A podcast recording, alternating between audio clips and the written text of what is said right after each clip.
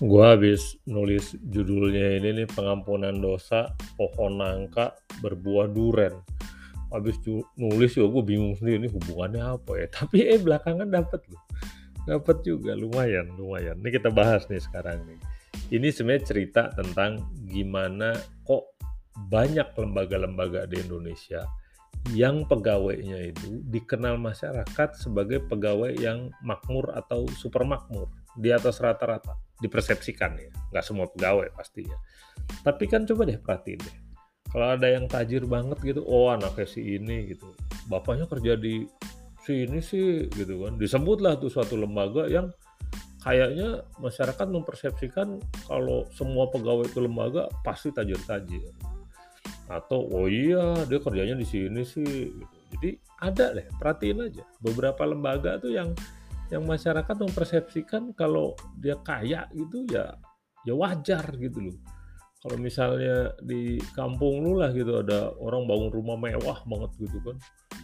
Siapa yang punya tuh? Si ini kerja di mana? Di lembaga A gitu. Oh keruan gitu. langsung loh orang tuh bisa menyambungkan gitu. Gue nggak perlu list siapa lembaganya ntar marah lagi gue sebut gitu. Tapi tapi kita perhatiin aja kita perhatiin atau kita dengerin aja apa yang yang masyarakat persepsikan terhadap lembaga-lembaga itu. Dan gilanya itu lembaga-lembaga udah dari zaman dulu presidennya udah gonta ganti apalagi kepala lembaganya udah bolak-balik udah gonta ganti nggak juga berubah nggak berubah berubah perhatiin hampir semua lembaga itu udah zaman orde baru tuh udah tajir. Sampai sekarang masih aja begitu gue pikir-pikir susah banget sih ya ngerubah gitu. Tapi gue balik ke teori. Kalau di sekolahan dibilang lembaga itu yang paling dominan menentukan arah maupun coraknya tuh ya pimpinannya kepala lembaga. Kita lihat banyak lembaga-lembaga yang tiba-tiba bisa berubah gitu uh, arahnya gitu. Nah itu dominan karena pimpinannya. Yang gue mau bilang gini lembaga-lembaga yang dari dulu masyarakat tahu bahwa pegawainya dicap makmur gitu ya. Itu kalau pimpinannya datang dari dalam lembaga itu dipastikan lembaganya nggak akan berubah. Ini jadi lebih bersih ya kalau gue bilang nggak berubah tuh jadi lebih bersih gitu. Nggak akan berubah. Yang kita harapkan kan begitu dia jadi kepala lembaga gitu mungkin dia katakan insaf atau sadar gitu pertama dia tidak mau nerima suap dari bawahannya maupun dari masyarakat. Jadi dia nggak mau nerima apa pun. Yang kedua dia melarang semua jajarannya untuk main suap atau gratifikasi. Kan itu aja kan? Kalau kepala mau lembaga jadi bersih kan cuma dua aja. Dia nggak mau nerima dan melarang anak buahnya nerima. Selesai itu urusan. Dan di dalam tentu aja nggak akan jalan tuh. Suap menyuap antar bawahan ke atasan tuh nggak bakal jalan. Ya dari mana? Orang nggak dapet lagi deh masyarakat gitu ya. Jadi kalau dia berani berbuat itu pasti lembaga bisa jadi bersih. Nah kenapa dia nggak berani? Karena dia dari orang dalam juga. Memang kalau orang dalam kenapa? Kira-kira gini nih. Misalnya sebelum jadi kepala lembaga itu ada 10 tingkat jabatan. Gua sebutlah misalnya dari bos kecil kecil satu kecil dua kecil tiga. Naik lagi jadi bos sedang. Sedang satu sedang dua sedang tiga. Gitu kan.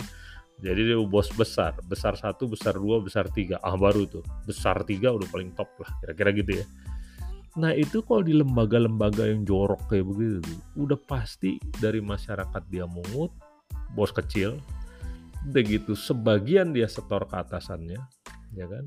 Karena bos sedang itu kan membawahi beberapa bos kecil bos kecil membawahi beberapa pegawai gitu kan. jadi pegawai-pegawai pegawai mungut dari masyarakat sebagian dikasih ke bos kecil. Bos kecil pungut dari beberapa pegawai sebagian dikasih ke bos sedang. Bos sedang kan bawahannya bos kecil. Bos kecil beberapa dikumpulin sama dia dia kasih lagi ke bos besar. Kira-kira gitulah mekanismenya. Jadi kalau sekali satu lembaga mungut dari masyarakat secara tidak sah pasti di dalam juga ada cerita suap menyuap ke atasannya pasti. Nah kenapa kalau dia naik sampai atas dia nggak bisa bikin perubahan? Ya karena kakinya keikat. Dia namanya naik ke atas jadi kepala itu kan mulai dari bos kecil, bos sedang, bos besar. Sementara lagi zaman bos kecil dia nerima suap, dia nyuap juga bosnya. Udah gitu lagi bos sedang dia nerima suap dari bos kecil nyuap juga bos besar. Jadi kakinya keikat dengan masa lalu. Dengan sejarah suap menyuap, menerima maupun memberi. Itu dia lengket itu sejarah dan jangan salah pidana 17 tahun masih bisa diungkit. Nah makanya begitu naik dia ke atas walaupun niatnya baik, itu dia ingin mengabdikan sisa hidupnya buat kemajuan Indonesia dengan membersihkan lembaga saya. Nggak mampu dia membersihkan, nggak mampu. Ya sebutlah, mulai sekarang semua jangan pernah terima suap. Ada yang ngomong, bos lagi dulu bos kecil lu kan gua yang nyuap ke lu. Gitu dari yang lain gitu, lu juga kan yang nyuap bos lu dulu. Gimana bisa lu sekarang bilang nggak? Kalau itu gua ungkit nih kasus yang lama. Mati dia kan diem dia langsung jadi bahasa gua nih nggak mungkin kita ngarepin pohon nangka itu keluar buah duren. Nggak mungkin. Kalau pohon nangka ya keluarnya nangka. Kalau dia produk dari lembaga yang jorok gitu ya sampai atas pun ya dia jorok pasti. Karena udah belepotan dari bawah dia kan. Sampai atas dia nggak akan berani bikin perubahan. Karena dosa-dosanya banyak. Lagi zaman kecil sampai gede semuanya ada recordnya. Dan itu pidana.